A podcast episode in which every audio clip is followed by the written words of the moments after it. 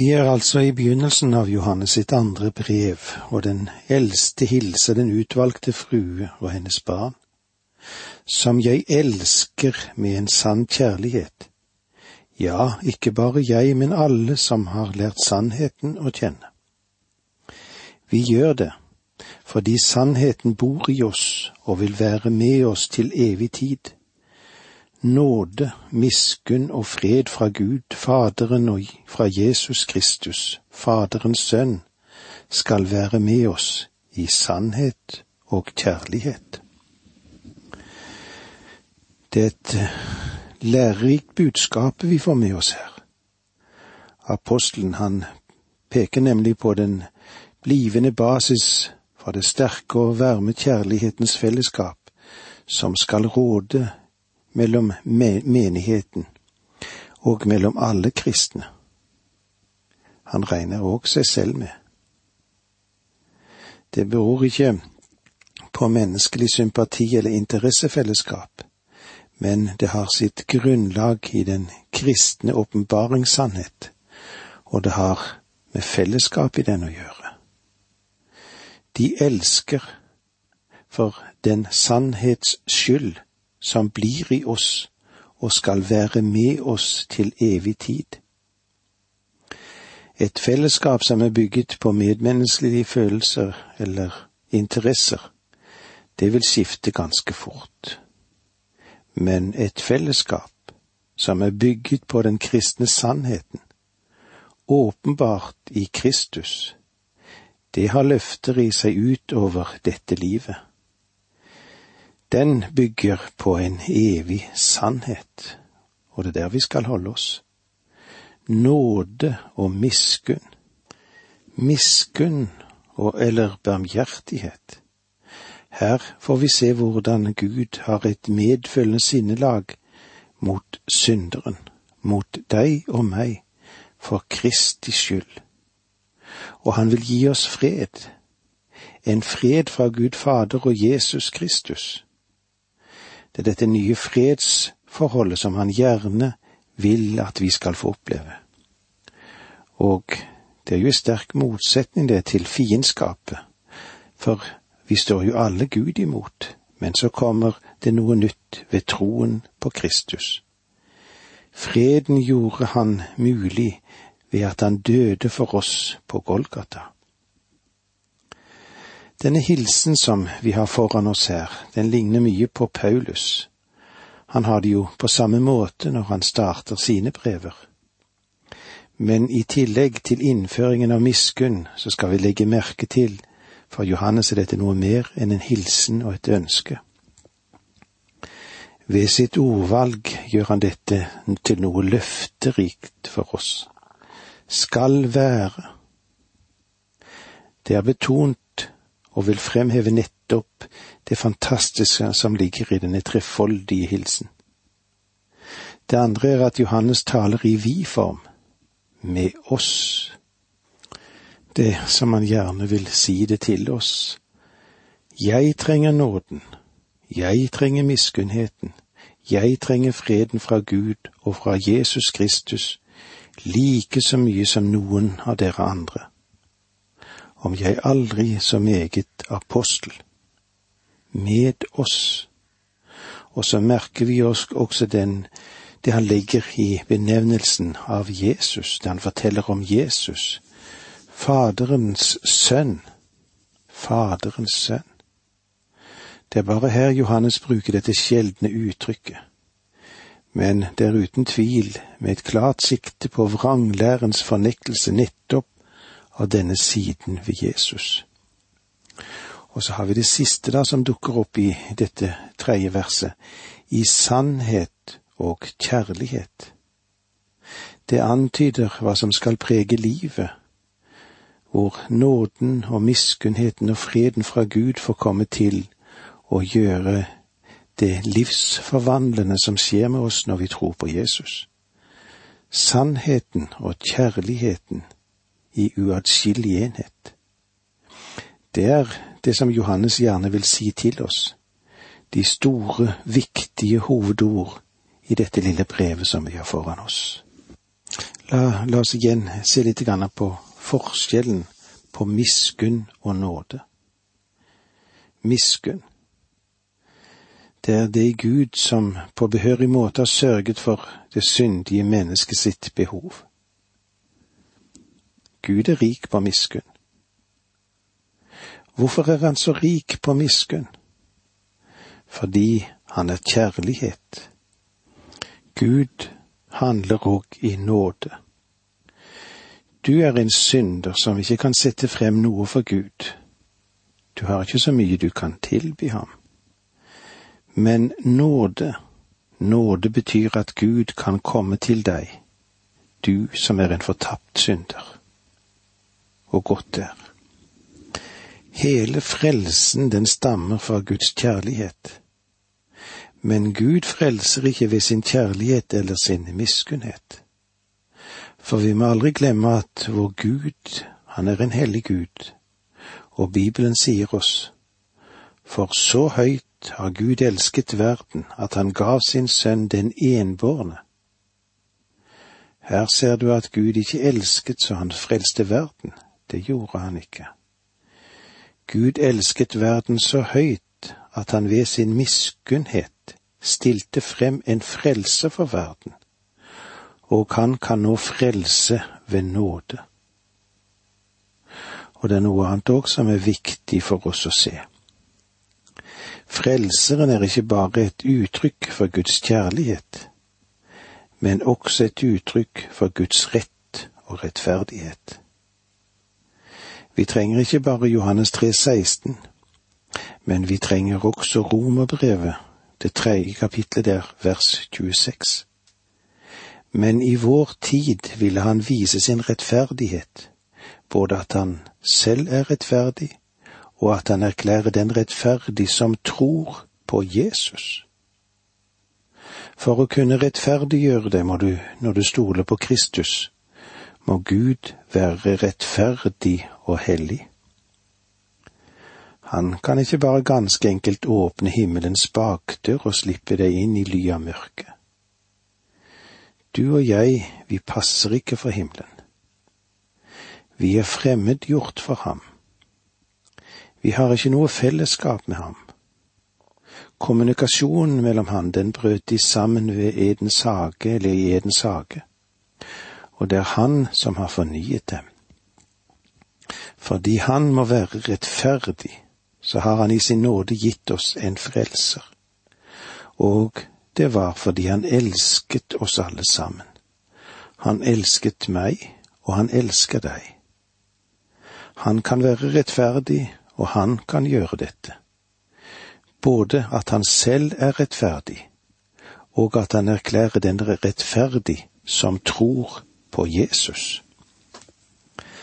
Derfor så kan Johannes nå skrive, Nåde være med deg. Det er slik Gud frelser deg. Miskunn, miskunnheten ga en frelser. Og fred, når du har alt dette, da vil Guds fred, som overgår all forstand, bevare ditt hjerte. Som Johannes sa, fordi sannheten bor i oss og vil være med oss til evig tid. Vi må være helt klar over at disse store sannheter er ikke noe Gud vil forandre. Han vil ikke endre sitt syn i morgen og si vel, nå skal jeg handle litt annerledes. Jeg tror at den offentlige mening og galluptallene peker i en annen retning, så nå vil jeg forandre meg litt og legge meg tett opp til den offentlige meningen. Nei, Gud forandrer seg ikke. Han er ingen værhane. Jeg ble minnet om gårdbrukeren som hadde en låvebygning. På toppen av den sto en værhane med inskripsjon Gud er kjærlighet. En nabo kjørte forbi en dag og sa til mannen, mener du at Guds kjærlighet er like variabel som værhanen? Gårdbrukeren svarte, nei, det mener jeg ikke. Jeg mener at Gud er kjærlighet, samme hvilken vind det blåser. Og det er sant. Vår Gud er kjærlighet, og fordi Han er kjærlighet, så har Han gjort en frelse mulig for oss. Han vil aldri forandre det. Nåde, miskunn og fred fra Gud Faderen og fra Jesus Kristus, Faderens Sønn, skal være med oss. Den Herre Jesus Kristus er den som døde for deg. Han er Faderens sønn. Det er hans plass i treenigheten. Og med disse ordene må vi si takk for nå. Må Gud være med deg. Dette undervisningsprogrammet består av to deler. Åge Nevland fortsetter nå med andre del av dagens undervisning. Vi er i apostelen Johannes sitt andre brev, og vi er kommet til vers tre der. Nåde, miskunn og fred fra Gud Faderen og fra Jesus Kristus Faderens Sønn skal være med oss i sannhet og kjærlighet. I sannhet og kjærlighet. Husk at kjærligheten må utøves i sannhetens sammenheng. Og det er de som skriver og sier du er svært så striks i din undervisning av og til. Og dette synes jeg det er bra kommentarer for dette.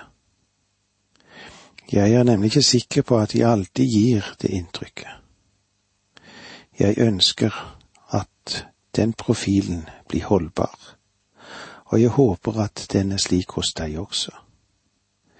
Dette gjelder når jeg forkynner Guds ord for jeg er helt bevisst på at det er Guds ord som jeg forkynner. Det er ikke mitt budskap. Og da er jeg ikke redd for å være striks og stram hvis det stemmer med det ordet sier, det Jesus har gitt oss gjennom sine medarbeidere og medtjener. Og derfor er jeg heller ikke villig til å vike av fra det Johannes forteller oss i sitt andre brev. I det fjerde verset her leser vi Det var en stor glede for meg å se at noen av dine barn lever i sannheten, slik Faderen har befalt oss. Dine barn er enten fysisk sett barna til denne kvinnen eller medlemmer av den lokale menigheten. Jeg tror at det kan være begge deler dette. Legg merke til at det står noen av, så ikke alle vandret i sannheten. Men Johannes han legger ikke til en sten til byrden ved for eksempel si, Jeg hører at det er mange av dine barn som ikke lever i sannheten. Johannes, hva gjør han? Jo, han oppmuntrer det som er der, i stedet for å kritisere det som ikke er der. Lever i sannheten det henviser til måten en lever på, og det vil si at de lever i lydighet mot Faderens bud. Det er vidunderlig å ha barn som lever i sannheten, slik Faderen har befalt oss. Budet og befalingen er at vi vandrer i lyset slik Han er i lyset, at vi ordner våre liv etter Guds ord ordner du ditt liv etter Guds ord, og hvordan er det med meg? I vers fem leser vi slik, Og det jeg nå ber deg om, frue, er ikke et nytt bud jeg kommer med. Det er det budet vi har hatt fra begynnelsen. Vi skal elske hverandre. Begynnelsen her, den henviser til begynnelsen av Kristi tjeneste her på jorden. Det budet som den Herre Jesus ga, var dette. Om dere elsker meg, holder dere mine bud, som det står i Johannes 14, 15. Og han sa det slik i det trettende kapitlet, vers 35. Har dere kjærlighet til hverandre? Da skal alle kunne se at dere er mine disipler. Ikke fordi dere er konservative, eller om dere er sterkt troende, eller hva det måtte være, men om dere har kjærlighet til hverandre. Johannes sier at dette er det bud vi hadde fra begynnelsen, at vi skal elske hverandre. Her har vi det. vandre i sannhet og elske hverandre. Igjen må jeg si at her tales det om våre elskede medtjenere, medtroende, vandre i sannhet og elske hverandre. Dette er den balansegang som trengs i dag i de menighetene som er. Eller så vil det skje noe. Menigheten vil få en slagside. Vi kan bli så oversentimentale i våre menigheter at vi glemmer ut hva vi skal gjøre. Sannhet og elske hverandre. Det er en hel del av det sentimentale som skaper forråtnelse. Og det kan tære på menighetene, det. Og uh, hva kan det komme seg av? Jo, ikke minst at det finnes likegyldighet overfor sannheten, som ofte, eller iallfall av og til, får en plass ved en konturløs kjærlighetsforkynnelse, og der den tar over. Det kraftige spørsmål Johannes stiller oss her er, vandrer du i sannheten? Vandrer du etter den kunnskap som kommer fra Guds ord? Alle apostlene understreket at vi skal vandre i kjærlighet. Det vi har foran oss her er meget viktig i den tid som vi lever i. Men det er like viktig at kjærlighet til sannheten er ledebegrep i det som foregår i våre menigheter. Den objektive polaritet i den kristne tro og det kristne liv er sannhet og kjærlighet. Johannes understreket kjærligheten i sitt første brev, men han sa også at kjærligheten, slik han understreket den, er rettet mot andre troende det er for den som er i Kristus. Han sa, Mine barn, jeg vil at dere skal elske hverandre. Her dreier det seg om andre troende. Så Johannes skaper ikke høyere enn det det burde være mulig å gape, å elske alle troende. Han ber oss ikke i første rekke om å elske alle, for jeg vet at når du kommer med en slik uttalelse, så elsker du ikke alle. Det er helt umulig for oss å gjøre det. Det er for mange i denne verden som vi ikke finner elskelig i det hele tatt. En hel del av oss er heller ikke elskelige som et resultat av det, så blir vi heller ikke elsket. Men Gud elsker verden. Vi er ikke verd å elske, men Gud elsker oss alle. Det er jo det som er kjernepunktet. Og det viktige er at han sier til de troende at de skal ta evangeliet ut til verden. Det er det viktigste vitnesbyrd du og jeg kan gi for å fortelle at vi bryr oss, og at vi eier kjærlighet, om du vil kalle det for det. Vi, du og jeg, vi skal bringe evangeliet til de fortapte, fordi Gud elsker dem. Og når vi, altså du og jeg, tar dette til dem, så vil kjærlighet bli utøst i våre hjerter for dem som faktisk er våre fiender. Det viktige her er å se at Gud er kjærlighet. Det er hans antributt og hans kjærlighet har gitt en frelser for oss. Men sannheten er også meget viktig, og du kan ikke sette kjærligheten over sannhet, fordi når du gjør det, ofrer du sannheten. Og det er dette som Johannes understreker i sitt andre brev. Vers seks. Og dette er kjærligheten, at vi lever etter Hans bud dette bud har dere hørt fra begynnelsen, og det skal dere følge. Hva er kjærlighet? Det er å vandre etter Hans bud. La meg igjen få lov til å minne dere om at Herren sa, om dere elsker meg, holder dere mine bud. Det er en annen måte å si det samme på dette. Herrens bud er mer enn de ti bud. De ti bud, de er grunnleggende for det menneskelige samliv og styringsordninger og er grunnleggende for vår sivilisasjon. Men den kristne blir kalt til et høyere plan, der han i sitt liv skal skape ved Ånden. Det er Åndens frukt. Kjærlighet, glede, fred, langmodighet osv. Om disse tingene er i oss og blir i oss, da vandrer vi, du og jeg, etter Hans bud. Om de ikke er i oss, ja, da vandrer vi ikke etter Hans bud.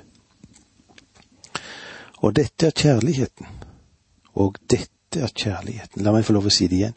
Kjærligheten, slik Johannes fremstiller den, den er høyst praktisk, den. Den er ikke primært knyttet til følelser, men den er knyttet til våre handlinger. Kjærlighet for Johannes er ikke primært å føle godt, men å gjøre godt. Det er slik vi uttrykker kjærligheten i familien også. Det er slik vi uttrykker den i menigheten, i vår omsorg og vår hjelp for andre. Det er umulig å si at en elsker noen som en ikke har omsorg for, og kanskje spesielt omsorg for deres åndelige velferd. Og dette er kjærligheten, at vi lever etter Hans bud. Snakk om praktisk kristendom. Og dette er kjærligheten, at vi lever etter Hans bud. Og med disse ordene må vi si takk for nå, må Gud være med deg.